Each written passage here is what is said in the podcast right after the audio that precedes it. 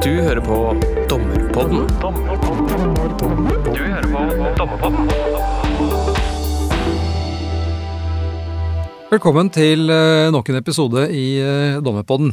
Mitt navn er Ragnar Lindefjell, jeg er dommer i Oslo tingrett. I dag så skal vi snakke om eh, voldgift.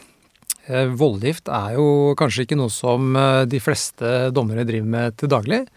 Eh, Vi kommer kanskje av og til litt borti det. Eh, Muligens kan det handle om en sak skal undergis voldgift eller ikke, eller det kan handle om ugyldighetssøksmål. Men i det store og det hele så tipper jeg det er sånn at de fleste av oss ikke har veldig mye eh, voldgiftserfaring i vårt daglige virke.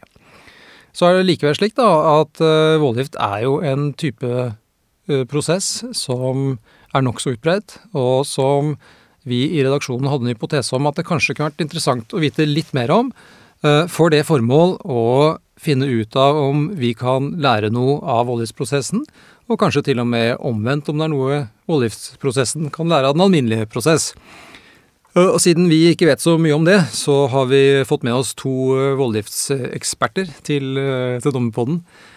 Begge to jobber i advokatfirmaet Bar. Det er Atle Skallebø Rød, velkommen til deg. Takk for det. Og så har vi Simen Søgaard, velkommen til deg. Tusen takk.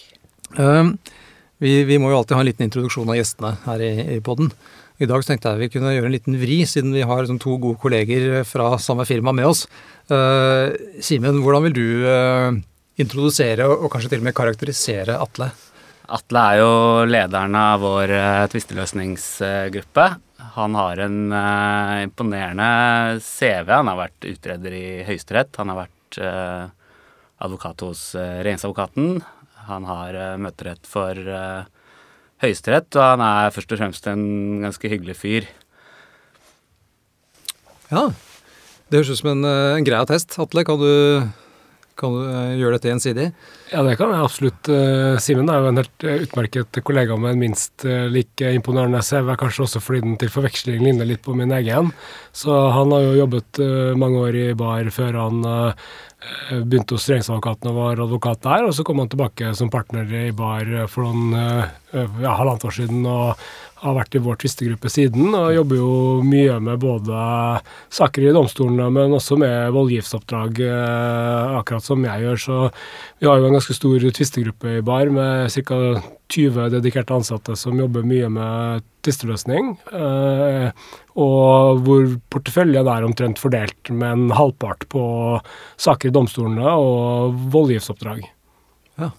Og, og der har vi jo da både voldgiftsoppdrag som advokat, selvfølgelig, og det er jo majoriteten av sakene vi jobber med, og så er det jo også noen uh, oppnevninger som uh, voldgiftsdommer i tillegg.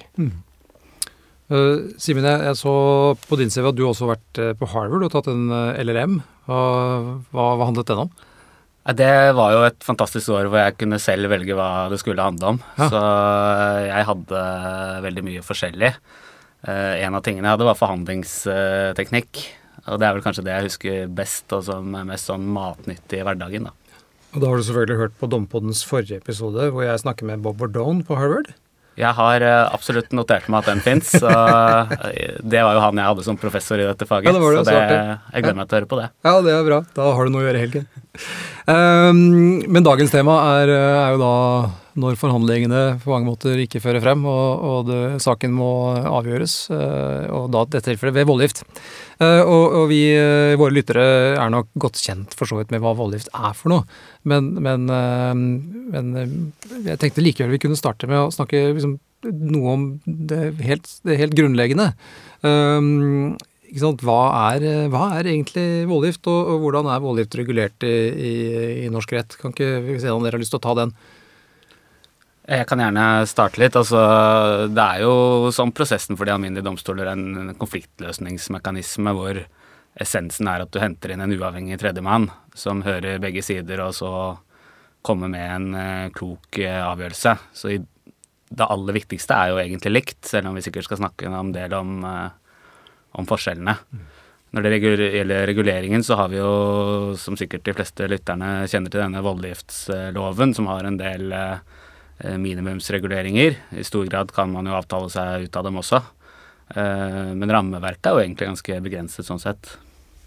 Og Den utfylles jo da sånn sett av partenes avtale. og det er klart Voldgiftsavtalen kan jo være mer eller mindre omfattende. Ofte er den jo ganske knapp, men av og til så har man jo tatt inn i voldgiftsavtalen f.eks. en henvisning til uh, institusjonelle regelverk, og av og til så er jo også avtalen gjort mer uh, utførlig, og andre ganger så bruker man jo i tillegg andre mekanismer for å gi uh, mer detaljerte saksbehandlingsregler, som f.eks. en prosessledende avgjørelse fra voldgiftsretten, som egentlig fastsetter kjørereglene for voldgiftsprosessen. Mm.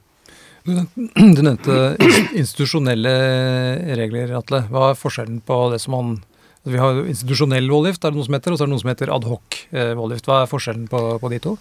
Ja, så I begge tilfellene så er jo fellesnevneren at du liksom oppnevner én konkret voldgiftsrett for å eller for å dømme i den konkrete tvisten. Eh, men det som er forskjellen, er jo rammeverket du har rundt og administrasjonen av prosessen. Fordi eh, hvis du har en adhoc-voldgift, så er jo i utgangspunktet voldgiften regulert av voldgiftsloven kombinert med partenes voldgiftsavtale, som ofte er ganske knapp. Mens i institusjonell voldgift så har du jo da fastsatt regler med mer detaljer fra et institutt, og i tillegg så administrerer instituttet voldgiftsprosessen, slik at de typisk er, har en rolle i forbindelse med dommeroppnevning. Typisk er jo at de etter partsoppnevning så oppnevner de voldgiftsrettens leder.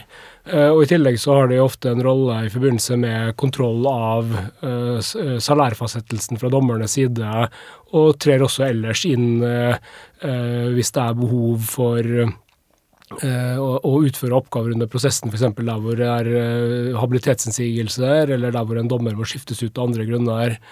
Slik at det du kan si sånn helt overordnet, er jo at et, institusjonell voldgift er jo et mye mer helhetlig produkt, hvor du kommer til et mer dekket bord i forkant enn hva du gjør der hvor du har adokvoldgift og i større grad må skreddersy den enkelte Eh, voldgiften med regler og hele pakken enn det du må i institusjonell voldgift. Mm. Simen, eh, hva er situasjonen i, i, i, Norge? Det Mitt inntrykk er at det er fortsatt uh, flertallet av voldgiftene som er ad hoc, altså ikke institusjonelle. Er det, er det et riktig inntrykk? Og, og, og, vil, og er det noen trender her? Altså Det har jo vært den tradisjonelle situasjonen, og er vel antageligvis langt på vei oppfatning i dag også, at uh, i Norge er vi glad i uh, adhoc. Man gjør det litt enkelt. Uh, vi spiker sammen noe der og da når det er nødvendig. Det passer jo med den norske folkesjela på et vis. Uh, vårt inntrykk er at det fortsatt er ganske mye adhoc, men vi ser nok en litt sånn økende trend til at man ser noen av disse fordelene som det tross alt er med institusjonell voldgift. Og så passer jo selvfølgelig ikke det i alle saker. Eh, men eh, der det, der det er et eh, særlig behov for noen av de fordelene en sånn institusjon tross alt kan tilby, da, så ser vi nok en litt sånn økende bevissthet rundt det.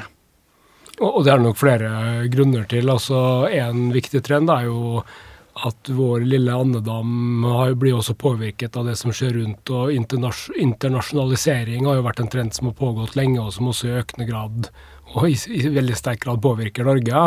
Og Det betyr jo også at uh, med økt innslag av internasjonale selskaper i Norge og som parter i tvister, så også i voldgifter, så forventer jo de mer av det de er vant til eh, hjemme. Og det betyr jo stort sett eh, institusjonell voldgift. Og det påvirker jo Og i tillegg så hadde vi jo for noen år tilbake med utspring i de maritime næringene et fellesnordisk initiativ med disse Nordic Maritime Offshore Arbitration, eh, NOMA-reglene. Og, og, de har blitt ganske populære, og de bygger jo utgangspunktet på det som er en form for best practice i nordisk og også norsk adhocvoldgift, og så har man laget et institusjonelt regelverk på basis av det, kombinert med et sett av guidelines. Og det har blitt ganske populært, og ikke bare da i den maritime næringen som det i utgangspunktet er laget for, men uh, også brukt egentlig helt generelt i kommersielle tvister og passer veldig godt uh, der. Og er jo da egentlig et helt komplett voldgiftsprodukt med Eh, sett av eh, overordnede regler, en egen guidelines, inklusive guidelines for eh, bevistilgang og bevistvister med videre som du ellers ikke har i voldgift. Ja, så har vi noe som heter Oslo Chamber of Commerce, har vi ikke også det. Der, eh, jeg skal ikke skryte meg en omfattende erfaring som voldgiftsdommer, men jeg ble oppnevnt der for noen år siden, og det var jo også en Det var veldig ok som dommer å ha et sånt apparat i ryggen som sto for veldig mye av det praktiske og alt, alt rundt uh, voldgiften, egentlig. Ja, det er jo at uh, Som dommer så kan du jo konsentrere deg om på mange måter det, de, det å egentlig styre prosessen hands on, ja. og ikke minst uh, sørge for den dømmende avgjørelsen. Mm. Så du får jo frigjort en del andre ressurser på den måten. Uh, og det er klart det har jo vært uh, et pågående initiativ over flere år å på sett og vis øke antallet saker for uh, eh, OCC, og det har man jo også klart, selv om nok ambisjonen fortsatt er større enn det antall saker de har i dag, så er det iallfall på vei i riktig retning for OCC. Ja. Okay, jeg ser jo også at OCC er faktisk lagt inn i en del voldgiftsklausuler eh, på huset hos oss. Nettopp. Ja, for det er vel gjerne et første skritt på veien, at man må vel gjerne ha det i, i kontraktene for at det eh, i hvert fall øker muligheten for at det blir brukt. Det er der tankeprosessen må begynne. Ikke sant. Ja. Da tar det jo gjerne noen år fra du liksom skriver kontrakten med klausulen til du ser tvistene begynne å komme, slik at det vil alltid være et etterslep i utviklingen, egentlig. Det er akkurat det, ja. Men ok, nok om uh, institusjoner. La oss snakke litt om uh, utgangspunktene litt forskjeller, grunnleggende forskjeller og ulikheter på, på voldgift og den alminnelige prosessen. Um, noen stikkord her vi kan vi starte med f.eks. dette med taushetsplikt og offentlighet. Det er jo gjerne fremhevet som en av de sentrale tingene som skiller voldgift fra, fra alminnelig prosess. Uh, vil du si noe om det, Simen? Ja, der er jo situasjonen selvfølgelig at i de alminnelige domstolene er jo hovedregelen eh, offentlighet, hvis mindre det er noen gode grunner eh, og hjemmel for noe annet. Eh, I voldelift har man denne muligheten at man kan avtale konfidensialitet. Og det er klart at for ganske mange næringslivsaktører så er det et veldig viktig hensyn, og noe som gjør at, at voldgift kan fremstå særlig interessant eller relevant. Mm. Samtidig er det jo den lille komplikasjonen i Norge at uh, voldgiftsloven i utgangspunktet ikke åpner for at du kan inngå en avtale på forhånd om at voldgiftene under voldgiftsavtalen skal undergis konfidensialitet. Og Det betyr jo at man er jo avhengig av å avtale det når voldgiften eller tvisten er et faktum. Og da er jo vår erfaring at det er veldig vanskelig, eller iallfall vanskeligere å bli enige om konfidensialitet, rett og slett fordi partene på det tidspunktet kan ha helt ulike interesser i publisitet om saken. Mm. Og Det betyr jo at uh, selv om saken da ikke blir uh, offentlig, så er den heller ikke undergitt konfidensialitet, slik at partene står fritt til på mange måter å gå ut med å dele informasjon som kommer frem under saken. Og Det er i hvert fall et tankekors uh, i Norge versus de andre, fleste andre jurisdiksjoner vi liker å sammenligne oss med. Nettopp. Um, en, en, annen ting som jo slår en når man ser på voldgiftsloven, er at den er jo relativt uh, kort. Uh, den, uh, I hvert fall hvis man sammenligner den med, med tvisteloven. Så sånn, omfanget av liksom, det formelle rammeverket rundt tvisten virker jo å være mye større i, i tvisteloven. Er det, er, det, er det en utfordring i forhold til voldgift, eller hvordan fungerer dette i praksis? Det er vel på sett og vis litt av poenget, fordi skulle man laget bare en detaljert lov eh, med samme omfanget som f.eks. tvisteloven, så ville det jo blitt veldig liten forskjell på voldgift og en sak i domstolene. og en hovedårsak til at voldgiftsloven er så kort og knapp som den er, er jo nettopp fordi at uh, meningen er at den skal kunne utfylles med partenes avtale, og ikke minst gi langt større fleksibilitet og skreddersy opplegget for den enkelte tvisten. Og så er det selvfølgelig et helt annet spørsmål i hvilken grad partene og advokatene er flinke til å utnytte den fleksibiliteten, men det er jo selve grunntanken uh, i, i, forskjellene, eller bak forskjellene. Nettopp. Um, så før vi, før vi, ser litt på, nærmere på voldgiftsprosessen uh, Fordeler og ulemper uh, med voldgift kontra alminnelig, saks, alminnelig prosess. Uh, hva skal vi si om det? Ja, Der er det jo Det man ofte har tenkt på tradisjonelt, er jo at fordelen med voldgift er at det går uh, raskere. Uh, om det er riktig i dag, er vel vi litt usikre på. I noen tilfeller er det nok det, men sånn som f.eks. Oslo tingrett er jo, det er jo effektivt nå. Det er nesten litt sånn irriterende raske beramminger noen ganger. Ikke sant? og det er et kompliment, altså. Men, men om det tidshensynet, hvor viktig det egentlig er i dag, er vi nok litt usikre på. Det kan ofte ta ganske lang tid å få avgjort en voldgiftssak også, selv om det selvfølgelig bare er én instans. Så er det jo spørsmål om kostnader. Er det noe billigere å gjøre det ene versus det andre? Og det er nok heller ikke noe sånn entydig svar på det. Altså ofte kan nok alminnelige domstoler være billigere, selv om man må, må regne med flere eh, runder. Så, så, det er neppe heller noe sånn eh, avgjørende eh, argument. Eh, det er klart at, eh, som Atle var inne på, kontrollen med prosessen er jo en forskjell.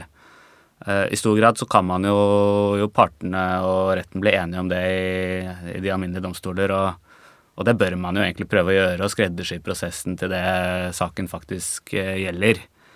Uh, så er det jo noen ting man ikke kan avtale seg bort fra og sånn, men, uh, men, den muligheten til å påvirke er jo egentlig der i begge spor, tenker jeg.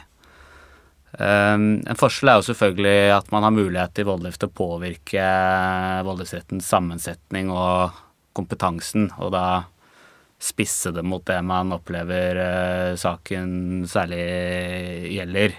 Det, der er det jo åpenbart annerledes, uh, og må vel nesten være annerledes i de uh, alminnelige domstoler, selv om vi forstår at f.eks. For Oslo tingrett åpner for moderat spesialisering og den type ting, men du har jo ikke egentlig noe kontroll over det som part. Nei da, vi er nok eh, Selv om det er, det er riktig det at vi har prøvd å spisse liksom litt noen områder, og typisk da store kommersielle tvister og, og f.eks. Eh, entreprise er to sånne. Men det, men det er ikke noe meny hvor man kan velge individuelle dommere. Det er, det er det ikke, og det tror jeg du har rett i at det er nok prinsipielt ikke ikke på, ikke på, agendaen, nei. Men det er klart man kan jo f.eks. Eh, be om oppnevnelse av fagkyndige meddommere. Ja. Det er jo en, et ja. verktøy man tross alt har etter tvisteloven uh, mm. der det er behov for det. Det kan man vel i voldgift òg? Absolutt. Ja, ja. Men Det som er litt morsomt der, er jo å se, også, se hvordan det har vært en utvikling i hvordan partene vektlegger de grunnene som Simen var innom. fordi Går du tilbake til 70-tallet og den Eckhoff-undersøkelsen som ble gjort da, så var jo dette med konfidensialitet eh, eh den viktigste grunnen til at eh, partene valgte voldgift. Mens eh, eh den undersøkelsen som Ola Nisha gjorde for noen år tilbake, der var det jo dette med påvirkning på sammensetningen av retten og muligheten til å virke dommere som var blitt det viktige hensynet. Og så skal man ikke glemme et annet veldig viktig perspektiv i valget mellom uh, voldgift og domstol, og det er jo uh, når man ser ut av vårt eget lille land, så er jo med en gang spørsmålet om uh, håndhevelse og tvangsforbrytelse helt avgjørende, egentlig. Fordi vi er jo vant i Norge at dommer stort sett etterleves frivillig, men det er jo ikke situasjonen i den store verden. Slik at med en gang du skal ut og tvangsforbyrde dommen etter en domsavsigelse i din favør, så er jo spørsmålet om du får den anerkjent og eh, håndhevet der hvor du er avhengig av å gjøre det. Og det er klart, eh, der er det jo en stor forskjell på avgjørelser fra statens domstoler og voldgiftsavgjørelser. fordi For voldgift så har du jo New York-konvensjonen som gir uh, utgangspunktet gjensidig anerkjennelse og fullbyrdelse av voldgiftsdommer over store deler av verden. Mens for domstolene så, og dommer der så er jo dette veldig mye mer begrenset og i praksis egentlig bare Lugano-konvensjonen som i dag er et uh, effektivt verktøy. og Det betyr jo at du kan få håndhevet dommer innenfor EU-området, men ellers ikke. Og Så er det jo selvfølgelig en utvikling på området, bl.a. med denne Haag-konvensjonen som kom for noen år siden, men den er jo da ikke ratifisert av et tilstrekkelig antall stater, slik at den har jo ikke trådt i kraft. og Vi må jo påregne ganske lang tid før den i så fall får en tilsvarende utbredelse som uh, New York-konvensjonen har fått for voldgiftsavgjørelser. og Det betyr jo at uh, selv om det i mange, mange, ganger kan være andre gode grunner til å velge domstol fremfor voldgift, så vil jo eh, hensynet til å kunne håndheve dommen etterpå gjøre det helt nødvendig å velge voldgift. Og Det er også viktig å ha i bakhodet selvfølgelig når du skal eh, gi råd om hva du skal velge. Definitivt. Mm.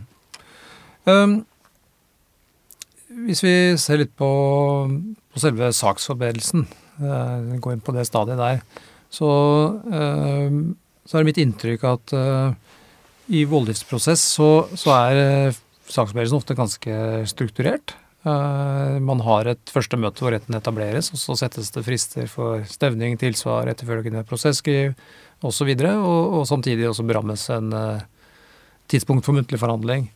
Og så er mitt inntrykk at det som regel etterleves, og, og så går prosessen sånn som man har tenkt. Er det, er det, Har jeg bare hatt flaks, eller er det, er det riktig? Og I så fall så, så, så kan jo det være noe annerledes enn man av og til opplever den alminnelige saksforberedelsen i, i, domstolene.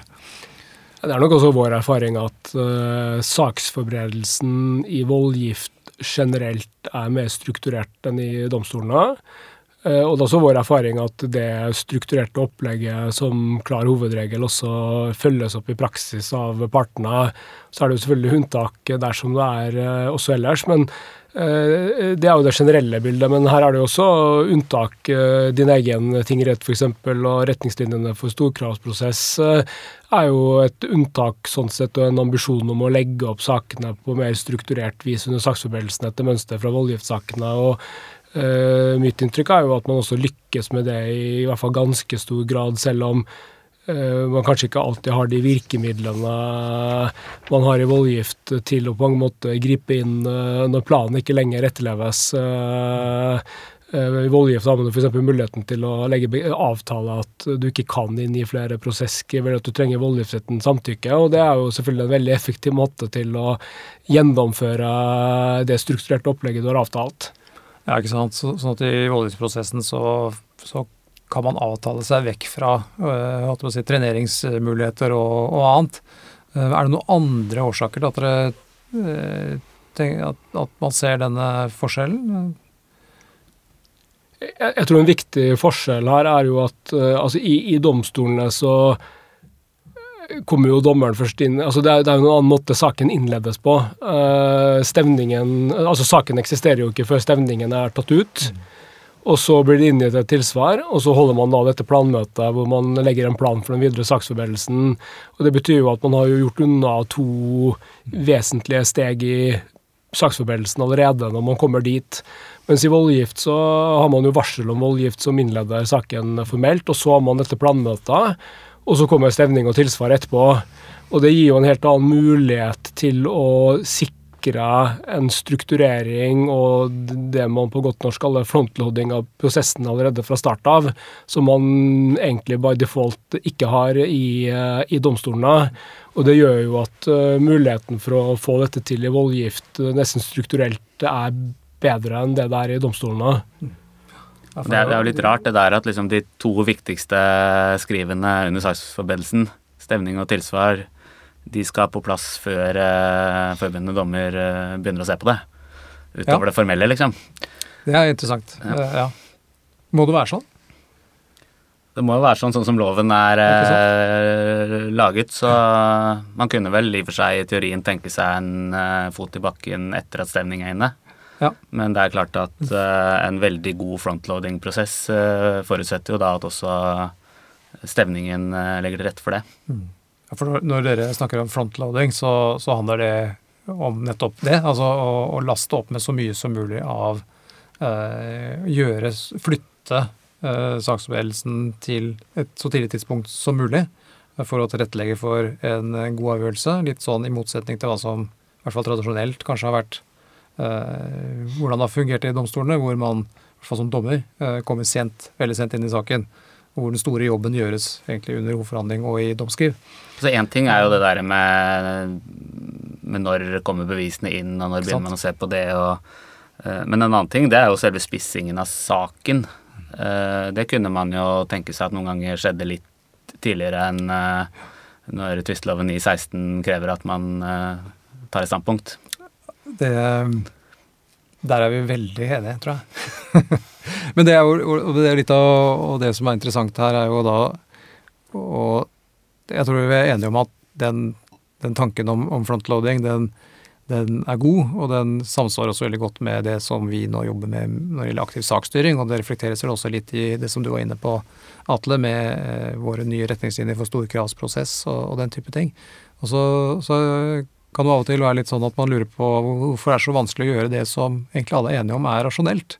For av og til så virker det litt sånn. Er det, hvordan skal vi få til en litt mer kan man tenke seg går det an å få til en litt mer sånn voldgiftsaktig saksopphevelse i, i den alminnelige domstol også, selv om vi, selv om vi jo ikke kan Vi kan ikke møtes før sak er kommet inn, det, det er vi enige om. Det er jo litt utfordrende. altså Jeg tror jo at alle, alle aktørene egentlig er enige om at dette er måten å gjøre det på. Og så blir jo selvfølgelig det ideelle bildet litt påvirket av uh, hva som er hensiktsmessig, og ikke minst hva som tjener klientens interesser i den konkrete saken. Fordi vi må vel alle erkjenne at det er jo ikke alltid at det er like klokt eller taktisk å liksom vise absolutt alle kortene i det første innlegget. og bare der har du jo da gått glipp av litt av den frontloadingseffekten. Slik at det vil du jo da bare gjøre hvis du liksom virkelig må, fordi du har ikke samme muligheten til å komme med det etterpå. Uh, og f.eks. i internasjonal voldgift så er det jo ganske vanlig at man avtaler at alt må komme i stemning og tilsvar, og så skal uh, statement of reply og statement of rejoinder egentlig kun knytte seg til det som fremkom i det foregående innlegget, og da har man jo på mange måter satt en veldig stram, formell ramme rundt saken. Så kombinerer man det kanskje i tillegg med, et, med at man må ha voldgiftsrettens tillatelse til å inngi Eh, ytterligere innlegg i saken.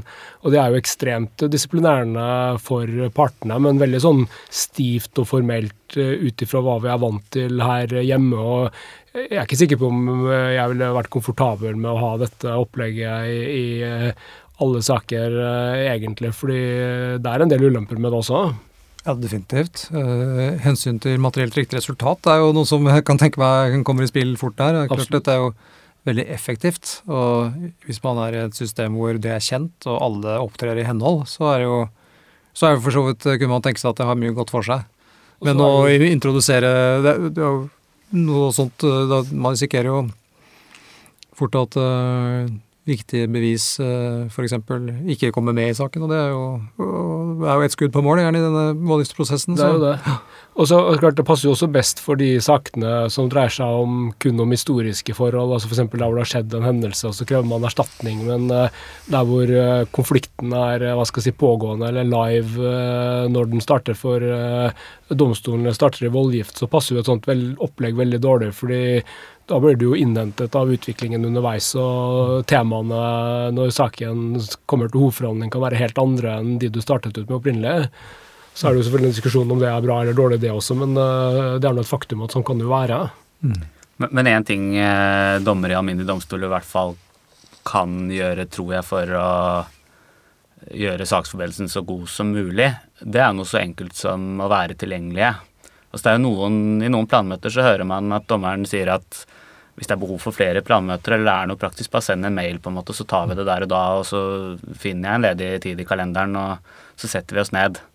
Uh, og det viser jo en interesse for saken som uh, partene helt sikkert uansett setter pris på, men det gjør jo også at uh, advokatene vet at her er det en dommer som, som, følger med nesten fra dag til dag, og hvor man da må sørge for å følge spillereglene på en god måte.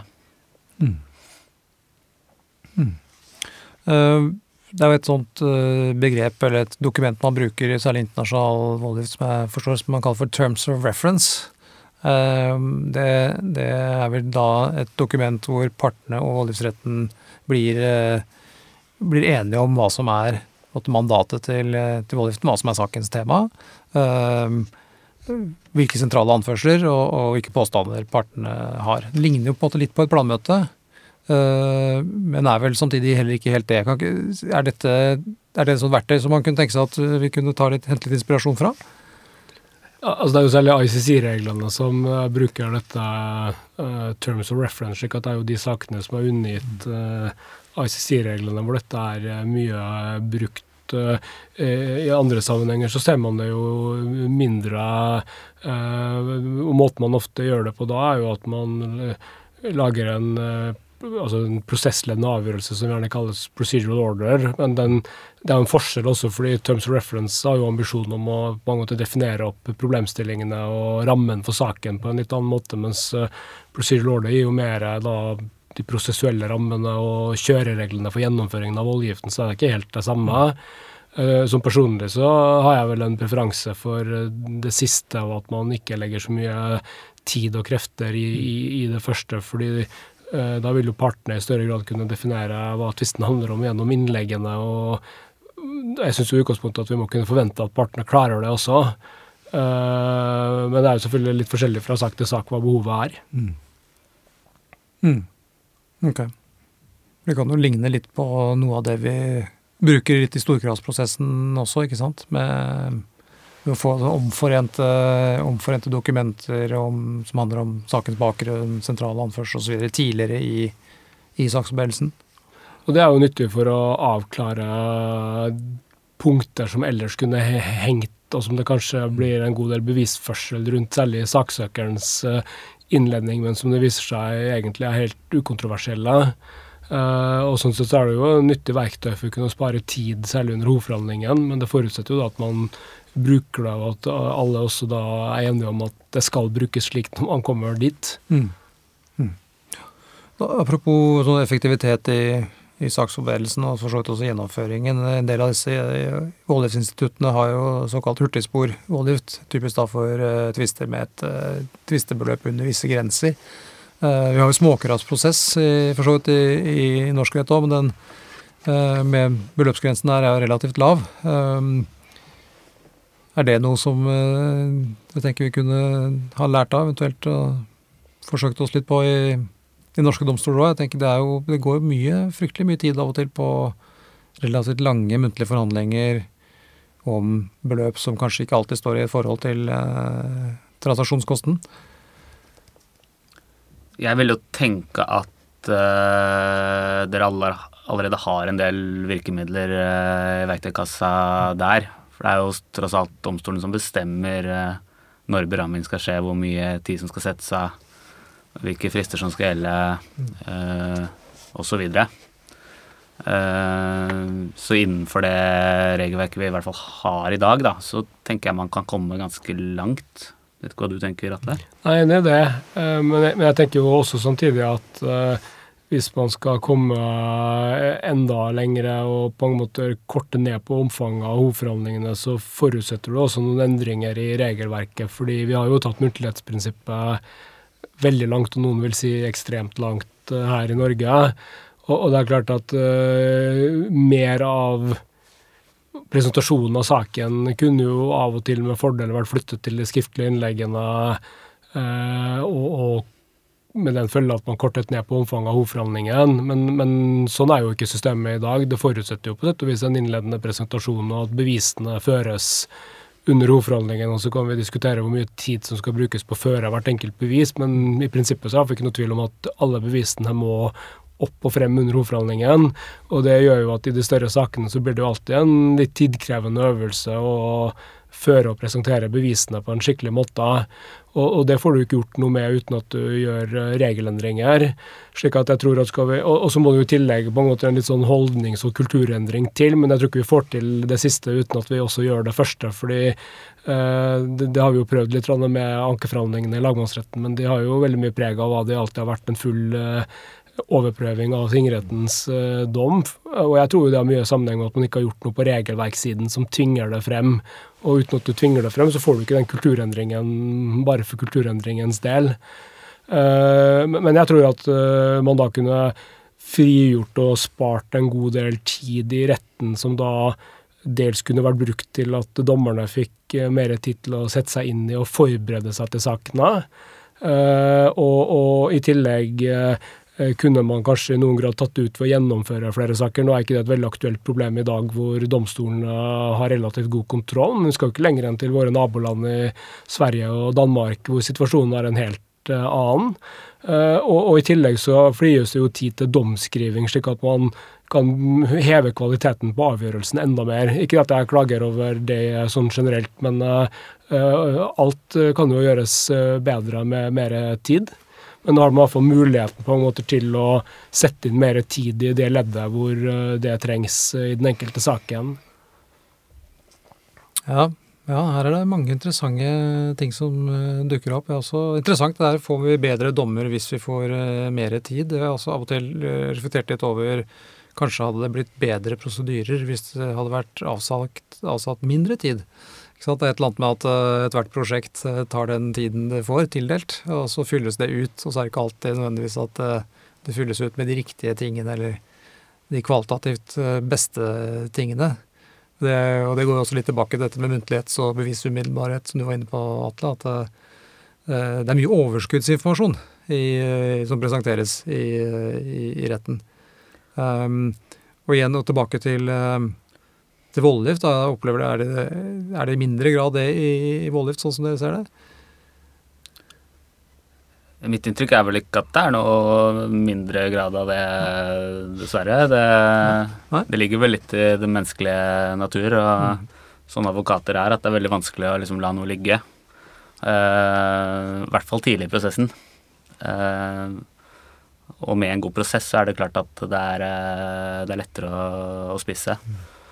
Altså et annet verktøy jeg har tenkt på, bare apropos det vi snakket om, som jeg syns er litt artig. altså Jeg har en sak nå hvor begge sider skriver så innmari langt, og så har dommeren akket seg over at det er jo så langt. Og det er jeg jo egentlig enig i. Eh, jeg syns det er slitsomt selv, ja. og, og så jeg, hva om vi bare ble enige om en sidebegrensning? Ja. Og da fikk vi inn i rettsboken at neste vi skal ikke overstige tre sider. Fra begge sider, altså, for det må jo være jevnt. Men det ja, ja. var en morsom vri. Ja. Og har det blitt fulgt? Det har blitt fulgt. Uten at skriftene har blitt veldig mye mindre. Font fire. Ikke sant? ingen, uh, ingen, avsnitt. Men det er noe med det du er ja. inne på, Ragnar, at du, mm. man får jo gjerne frem det man ønsker også på tre sider. Ja, for det meste skal jeg være forsiktig, da, men altså ganske mye blir jo bedre hvis man sies kortere. Det betyr ikke at det blir lettere, snarere tvert imot, men det er jo det er jo kunsten å konsentrere. ikke sant? Det er eh, Men det er jo en vekselvirkning her òg. Ja. At uh, jo bedre forberedt dommeren har Altså jo mer tid dommeren har hatt til å forberede ja. seg, jo bedre tid dommeren har hatt til å forberede seg, jo mer tør du jo også å konsentrere saken under hovedforhandlingen. fordi uh, da legger du til grunn at en god del av den bakgrunnsinformasjonen som typisk er beskrevet i de skriftlige innleggene, den er det helt unødvendig å gjennomgå og presentere. Og jeg vil jo si at selv om også eh, det brukes tid på overskuddsinformasjon i voldgift, så har man jo der typisk oppnevnt dommere som kjenner området tvisten gjelder. Mm. slik at det er jo likevel generelt sett mindre av det der om man tør å gå mer rett to the point. Uten å presentere så mye overskuddsinformasjon som man gjerne gjør i domstolene, hvor hva skal jeg si nivået på dommerne med tanke på å løse den enkelte saken varierer uh, mer, da. Ja. ja. det er ikke noe tvil om det. Er ikke noe tvil om det. det er en uh, mangfoldig gruppe. Uh, alle vil kanskje ikke være enig i det, men det er i hvert fall innenfor vårt, vår ramme så er det nokså mangfoldig gruppe med ulik erfaringsbakgrunn. Og det husker jeg fra, fra egen tid som advokat også, at man vil jo gjerne man har et behov for å, å også bruke litt tid på bakgrunn og kontekst uh, før man kommer inn til det som er uh, tvistens kjerne. Absolutt. Men uh, ja, nei, men det er interessant. Um, litt sånn om, Skal vi snakke litt om bevis og bevisregler i, i uh, voldgift kontra alminnelig prosess?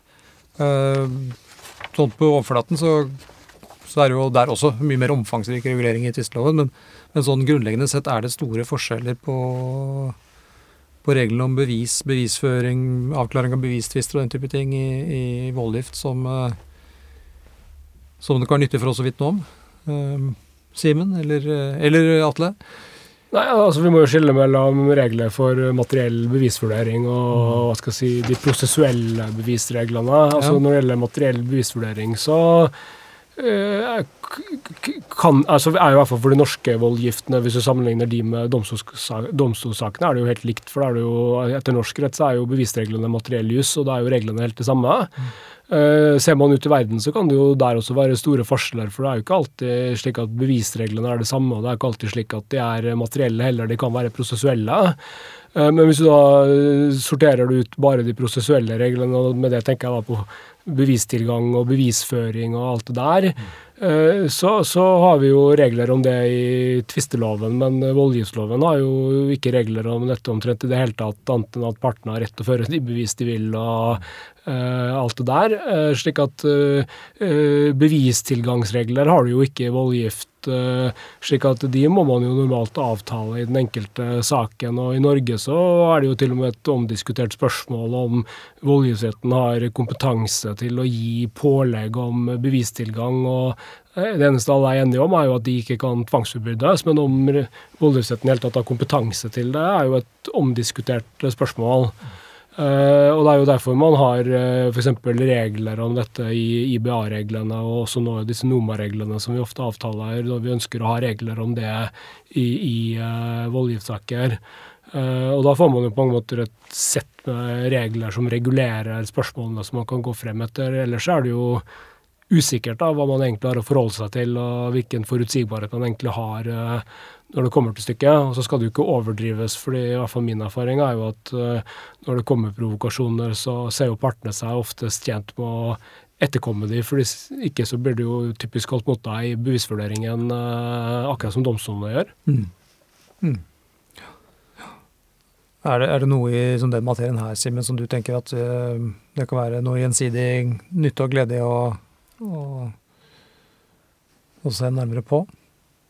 Nei, dette er jo et punkt som Atle er inne på, hvor uh, tvisteloven har et ganske uh, godt system. Mm. Altså det, det, er i hvert fall mulig å håndheve, håndheve det hvis man ønsker uh, bevistilgang. Uh, så er jo så klart at reglene er jo litt, etter sin natur, litt prosessdrivende i seg selv. Mm. Og det må vi kanskje leve med. Mm. Uh, men akkurat her er vel ikke situasjonen noe bedre i Valdres, i hvert fall, som vi har vært inne på. Og på sånn rent praktisk når det gjelder bevisføring i retten? altså tenker jeg på bruk av digitale verktøy, eh, sant, den type ting. Vi, etter hvert så begynner jo det å bli skjer jo ting hos oss der. Noen har jo etter hvert ganske gode hjelpedokumenter. Av og til så bruker man PowerPoint hva det måtte være. Um, er, er, det sånn at uh, ligger man lenger frampå på det digitale i Vollift, syns dere, eller, er det, eller er det, hvordan er det? Nei, altså Vårt inntrykk er vel at uh, norske domstoler ligger ganske langt fremme. Uh, og at vi Det er ikke noen sånne opplagte ting alle driver med i voldgift som ikke dere har, på et vis. Okay. Og bare sånn aktørportalen fungerer, er jo helt uh, supert. ikke sant? Masse tid spart. Uh, det er jo noe disse voldgiftsinstitusjonene også kan tilby i ulike former, selvfølgelig. Men uh, nei, jeg tenker det ikke egentlig er noe sånne åpenbare ting her. Og, og fra advokatens perspektiv så, så, er jo opplegget ganske likt når jeg forbereder meg til en voldgiftssak og en hovedforhandling i Oslo tingrett. Altså, ja. Jeg tenker jo at mennesker lar seg overbevise av de samme tingene, på et vis. Så selv om du slipper å ha på kappe? Det er selvfølgelig en stor fordel. Det er selvfølgelig. Um, ok, la oss bare snakke litt om selve voldgiftsforhandlingen kontra den muntlige forhandlingen i, uh, i domstolen, om det vil være seg tingrett eller, uh, eller for noen av de høyere luftlag. Er det noen grep som gjøres, eller noen, noen karakteristika ved voldgiftsforhandlingene, muntlige forhandlinger i voldgift, som som er grunn til at vi eh, merker oss, eller som vi kunne dra nytte av? tenker jeg? Altså de, altså de, må jo skille i hvert fall mellom det som er liksom norsk, tradisjonell ja. norsk voldgift og de mm. internasjonale voldgiftssakene. fordi hvis du ser på de tradisjonelle norske, så gjennomføres jo hovedforhandlingen uh, til forveksling ganske likt sånn som uh, det er i domstolene. Så egentlig mm. så kunne du jo ofte vært i hvilken som helst domstol og dratt kjensel på det aller meste. Mm. Mens hvis du retter blikket ut og ser på de internasjonale sakene, så er jo det typiske trekket at hovedforhandlingen er mye kortere, og det settes av veldig knapt med tid med norske øyne da, eh, til eh, den muntlige høringen, og hvor det egentlig bare er eh, vel så mye for dommerne for å avklare spørsmål og alt det der. Men det er jo fordi man nettopp har tyngden på den skriftlige saksforberedelsen og de skriftlige innleggene. Så det har jo litt sammenheng med hvordan prosessen er, er lagt opp. Men, men, utover det syns ikke jeg Altså i Norge så er det liten forskjell, men klart voldgifts voldgift rettssaker gir jo litt større fleksibilitet, da, med tanke på hvordan du gjør det enn det du har i domstolene. Det er mer formelle regler, men i praksis er det jo veldig likt. Har du, observer, har du observert noen forskjeller knyttet til altså, utfallet av sakene, avhengig av om de er, eh, er vesentlig skriftlig behandlet, eller, eller man har den mer tradisjonelle sånn nokså omfattende muntlige behandlingen sånn som, som vi har? Jeg kan egentlig ikke si det. Altså, jeg syns vel at uh, jeg stort sett har forstått avgjørelsene og hvorfor det har blitt som det har blitt. Uh, enten er det ene og andre, og av og til så skjønner du ikke avgjørelsen, men uh, da har det egentlig ikke vært sammenheng med om det har vært den ene eller andre Nei. behandlingsmåten. Da tror jeg det har vært helt andre steder det har gått gærent. Ja, for i vår, i vår, med vår kultur for muntlighet, så tenker jeg at man av og til eh, har en, tro på at uh, nettopp det der å få det presentert muntlig over bordet, og se og høre noen som står og snakker, at det gjør at måtte, budskapet kommer bedre inn. Um, men det, det, er, det, er ikke, det, er, tydeligvis ikke en erfaring som dere har, har gjort dere. Altså jeg tror, jeg tror, det er bra, det, i så fall. Men det er liksom som du var inne på i sted, at uh, det er ikke alltid det er bedre, selv om det er lengre. Nei. Og den, vi må huske på at den menneskelige oppfattelsesevnen, den er også ganske begrenset. Uh, slik at uh, når du liksom blir, eller sitter og hører på ting, så er det ganske mye som du rett og slett ikke oppfatter fordi altså, vår evne til å ta det til oss er begrenset, og det er også en sånn modningsprosess uh, utover i saken. Uh, og det gjør jo at uh, det kan jo hende at man hadde fått med seg akkurat like mye hvis innlegget var mye mer konsentrert og spisset på faktisk de vesentlige tingene enn om man på en måte har et langt innlegg som også inneholder en god del altså enten overskuddsinformasjon eller sånn halvrelevant uh, informasjon for avgjørelsen. da. For det er klart at, uh, altså, Hva er det i EFTA-domstolen? Da får du liksom lov til å holde 20 minutter innlegg. Mm. Uh, og det er klart, Da er du ganske bevisst på hva du skal ha frem i løpet av de 20 minuttene. Mens hvis du har liksom halvannen dag, så ja, du er selvfølgelig bevisst på det da også, men det er klart du får jo presten en del annet òg. Sånn er det jo. Sånn er det. Jeg tror det, det skjerper bevisstheten å vite at man er har begrensninger. Men at det må være noe muntlig, det tror jeg egentlig alle er enige om. Og den verdien av å ha en litt sånn Ikke kalle kollokvie, men at, at, kommunikasjonen kan gå litt begge veier. Det ville i hvert fall jeg, hvis jeg var dommer, tenkt var innmari viktig. Ja, for ikke å snakke om det helt sentrale poenget at det hadde vært dørgende kjedelig å aldri se noen folk. Altså det, hvis vi bare skulle sittet inne og lest dokumenter, så, så kan man jo Ja, da tror jeg det hadde blitt eh, kunne i hvert fall vært en fare for. At man hadde gått glipp av en uh, vesentlig dimensjon i, i, det som gjør den jobben spennende, tenker jeg. Altså det, forhåpentligvis er det gjensidig. Uh, bra. Uh, Atle og Simen, jeg tenkte kanskje vi skulle kunne runde av voldgiftspraten med, med, noe som jo er uh, alltid et tema og et, et økende fokusområde i, i, i de sivile sakene våre, i hvert fall. Det er jo sakskostnader. Uh, utviklingen der går jo for så vidt i, i, gal retning. Det har den gjort lenge, og det er jo ikke tema for, for dagens episode for så vidt. Men, men, øh, men sakskostnadsreglene i, øh, i voldgift øh, Først så er det de materielle utmålingsreglene mer, si, mer fleksible i voldgiftsretten. Der er det vel mer eller mindre etter voldgiftsrettens skjønn, hvis man bruker voldgiftslovens regel, er det ikke det? Um, men uh, har man noen mekanismer for uh, for sakskostnadsavgjørelser i, i voldgift som eh, eventuelt kunne vært inspirasjon for, eh, for oss? Altså det er jo altså ja og nei. Altså det er jo veldig fleksibelt i voldgift. Mm. Uh, slik at uh, Spørsmålet er jo på mange måter om det gir den forutsigbarheten uh, man trenger. Altså Personlig så har jeg jo ganske stor sans for reglene vi har i tvisteloven, og som på en måte er ganske vanlig i mange land, i hvert fall, nemlig at eh, den som vinner, eh, har krav på å få dekket sakskostnadene. Min erfaring er jo at Det er jo selvfølgelig litt begrenset erfaringsgrunnlag i den store sammenhengen, men for min erfaring er jo at det oftere er delte kostnader i voldgift uten at jeg egentlig har tenkt at jeg syns det er en veldig god grunn til at den som vant, ikke fikk tilkjent kostnadene, mm. som tross alt har blitt påført byrden med en uh, sak hvor man har vunnet frem, og hvor kostnadene kan være ganske betydelige.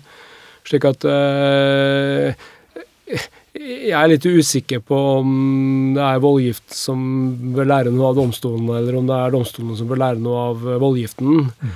Eh, men, det som i hvert fall er et faktum, er jo at enten sakstypen er den ene eller den andre, så har jo nivået på kostnadene økt. Men det har jo økt begge stedene, som vi var inne på litt tidligere, så er jo ikke totalkostnadene nødvendigvis veldig forskjellige. slik at det ligger fall ikke der noe sånn argument for å velge det ene eller det andre nødvendigvis.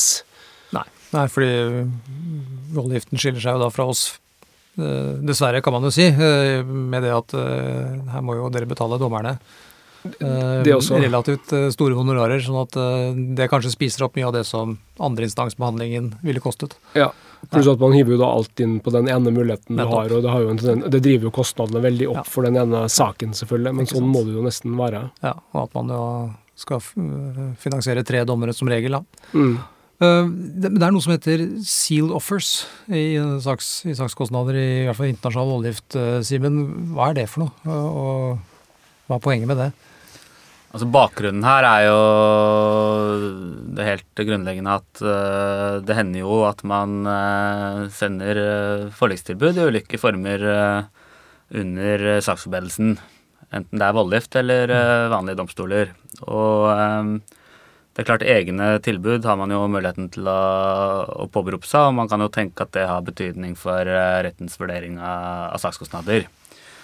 Eh, samtidig så kan det jo noen ganger være litt ubehagelig å gå ut eh, med det, rett og slett fordi man er bekymret for at det er egnet til å påvirke vurderingen av de materielle spørsmålene i saken. Det kan jo gi uttrykk for tvil hos parten og, den type ting. Eh, og dette med sealed offers er rett og slett en,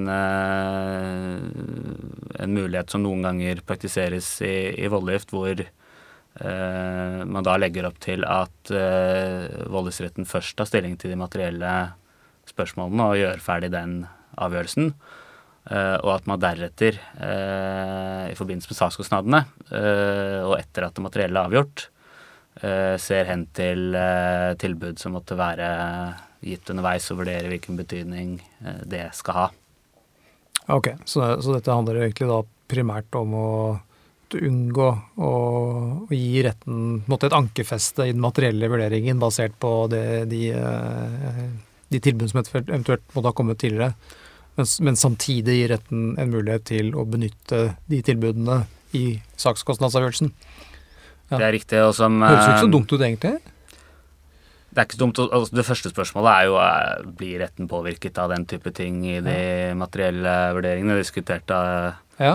Atle og jeg litt f Ja. før i dag. Og, og det er jo selvfølgelig veldig individuelt, og det stiller seg antageligvis annerledes i saker som er litt sånn svart-hvitt, enten-eller. Eller om det f.eks. er snakk om en eh, erstatningsutmåling eller en verdsettelse eller den type ting, så kan man jo tenke seg at et konkret tall på en måte er noe Klassisk ankerfeste. Ikke sant? Det høres ut som noe kan man ville sagt at har en betydning, altså. Men eh, ja. Ja, ja det er interessant. Men er det noe vi eventuelt kan gjøre innenfor rammen av tvisteloven? Det er jo et godt spørsmål, egentlig. Altså, Utgangspunktet er jo at sakskostnadsavgjørelsen skal treffes i den avgjørelsen som endelig avgjør saken. Og loven legger jo i sakskostnadsreglene iallfall ikke opp til noe splitting. Så har man jo selvfølgelig da den generelle bestemmelsen om uh, separat pådømmelse, men eh, det er vel mange som vil mene at uh, sakskostnadsreglene lex specialis uh, for den bestemmelsen. Men det er klart en praktisk måte, hvis partene er enige om det, er jo bare å si at eh, Eller avtale at når dommeren eller dommerne har bestemt seg for eh, avgjørelsen av kravene som utgangspunkt er tvistgjenstand i saken, da eh, legger man frem eh, eh, de tilbudene og gir de til retten i forbindelse med sakskostnadsavgjørelsen. Og så forutsetter jo det selvfølgelig at man da stoler på dommerne, at de har bestemt seg, og at de ikke ombestemmer seg etterpå. Men eh, det ville jeg jo ikke vært veldig betenkt på her i Norge, i hvert fall. Slik at eh, Det er jo en måte å gjøre det på, men det forutsetter jo da at retten og partene på sett og vis blir enige om å gjøre det på den måten. Ja. Ja. Det fall ikke noe direkte forbud i loven mot å gjøre det. og Om noen skulle mene at det var en saksbehandlingsfeil etterpå, så er det vanskelig å si at det skulle hatt noen betydning for resultatet, kanskje. Ja, ikke sant. Ja, det var interessant. Det er et interessant fenomen, og for så vidt kan det være en illustrasjon på de ulike måtene man kan, eh, man kan håndtere disse spørsmålene på.